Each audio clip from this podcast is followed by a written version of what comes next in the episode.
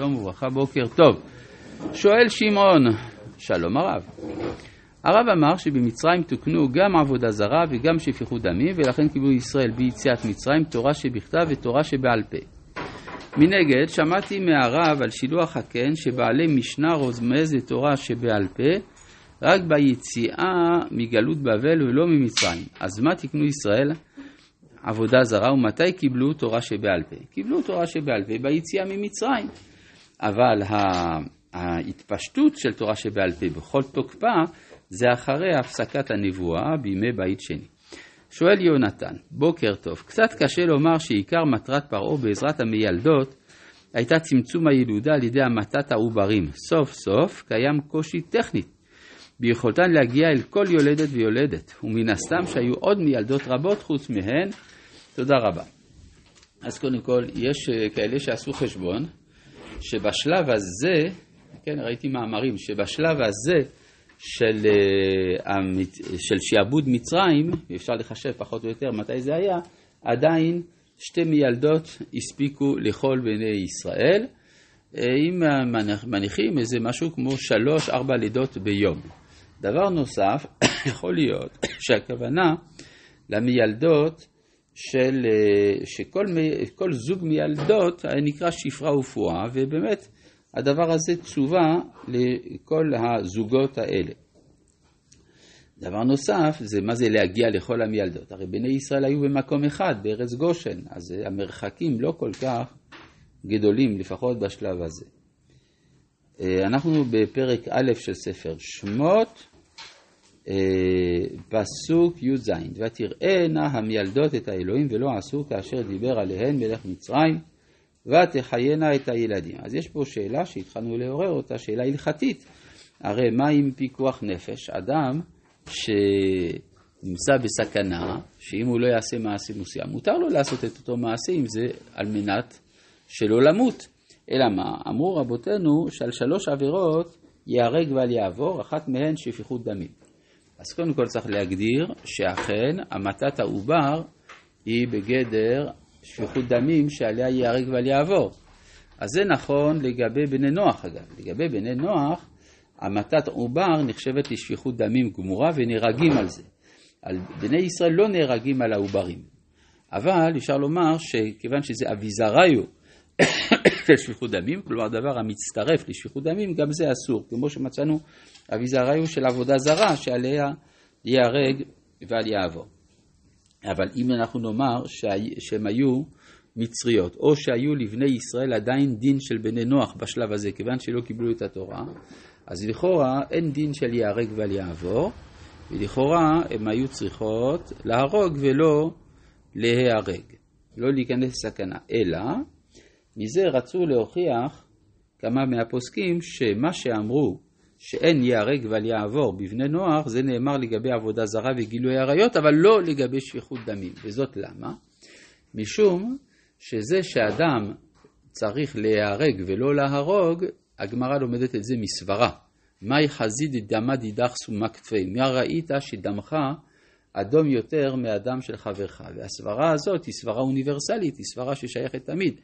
ולכן גם uh, הצוררים הנאצים שאמרו קיימנו פקודות, כי אם לא היינו מקיימים את הפקודות היינו נהרגים, הטענה הזאת לא מתקבלת, היו צריכים להיהרג ולא לעבור.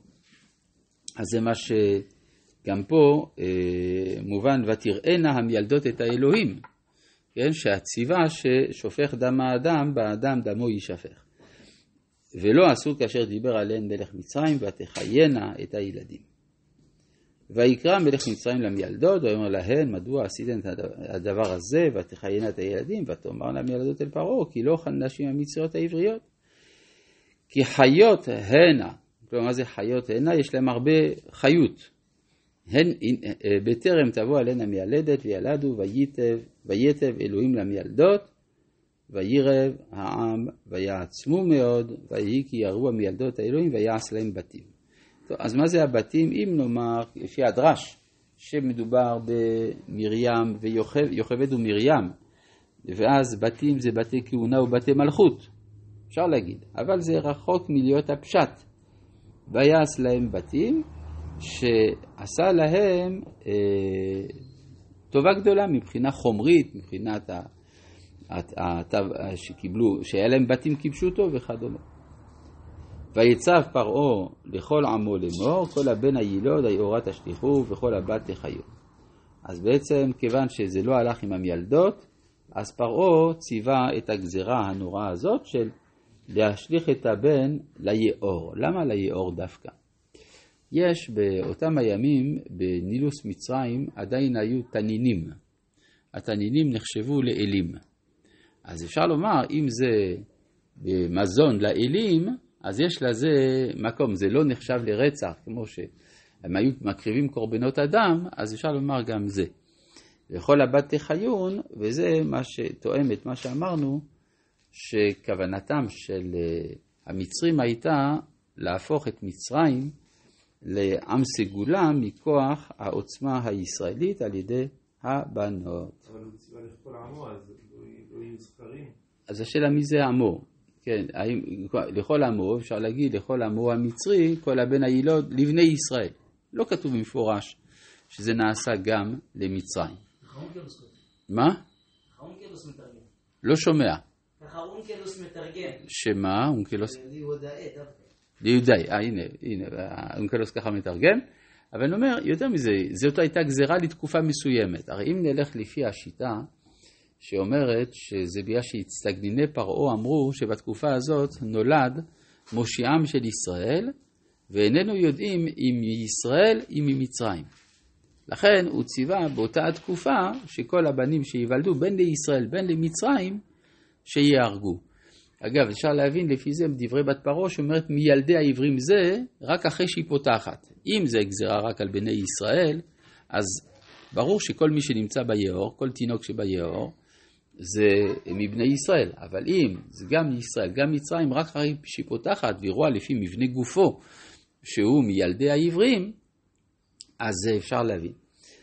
אה, עכשיו, זה שהם אמרו, איננו יודעים אם מישראל, אם ממצרים הוא, לפי המדרש, הדבר הזה הוא גם האופן שבו משה, שאנחנו נפגוש אותו עוד מעט, חווה את עצמו, שהוא גם גדל בבית פרעה וגם שייך לשבט לוי.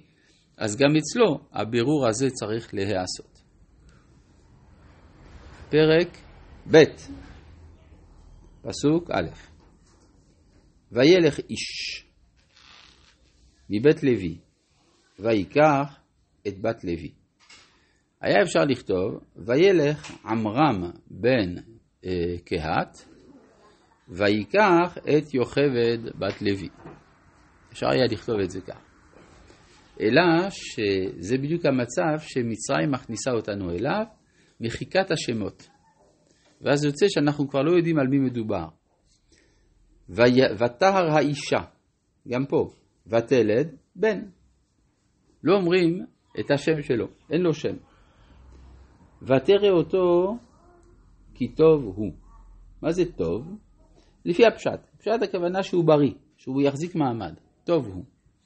כן, אפשר להגיד הרבה דברים נוספים, שהיה, זה מקביל ל"ויר אלוהים את האור כי טוב". מה שקורה במצרים, הוא חזרה על מעשה בראשית בתוך המסגרת של עם ישראל.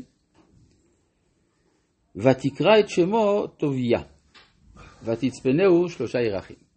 כי הרי מן הסתם היא נתנה לו שם. ולכן, אה, ברגע שכתוב מה התגובה של האם בלידה, בתנ"ך בדרך כלל זה בא להסביר את השם של הילד. אז אם ככה, ותראה אותו כי טוב הוא, אז היא נתנה לו שם. לפי חז"ל שמו היה טוביה. הגיוני. אז למה התורה לא ציינה? כן, כלומר, בכל התורה כולה, שמו העברי של אה, משה לא מופיע. יש על זה כנראה איזושהי משהו. מה? של אמא שלו לא מופיע, של אבא ואמא כן מופיעים. לא ו... שמה, לא בתור אבא ואמא שלו. רגע, אני אמרתי שלא מופיע בתורה שמו העברי של משה, ואילו של אבא ואמא שלו כן מופיע בתורה בפרשת פנחס. כן, אבל פה זה לא מופיע, זה ידענו. כן. אה, ולא יחלה עוד הצפינו, ותיקח לו תיבת גומה ותחמריה בחמר ובזפת. כלומר, כמו תיבת נוח, הדבר חוזר על עצמו.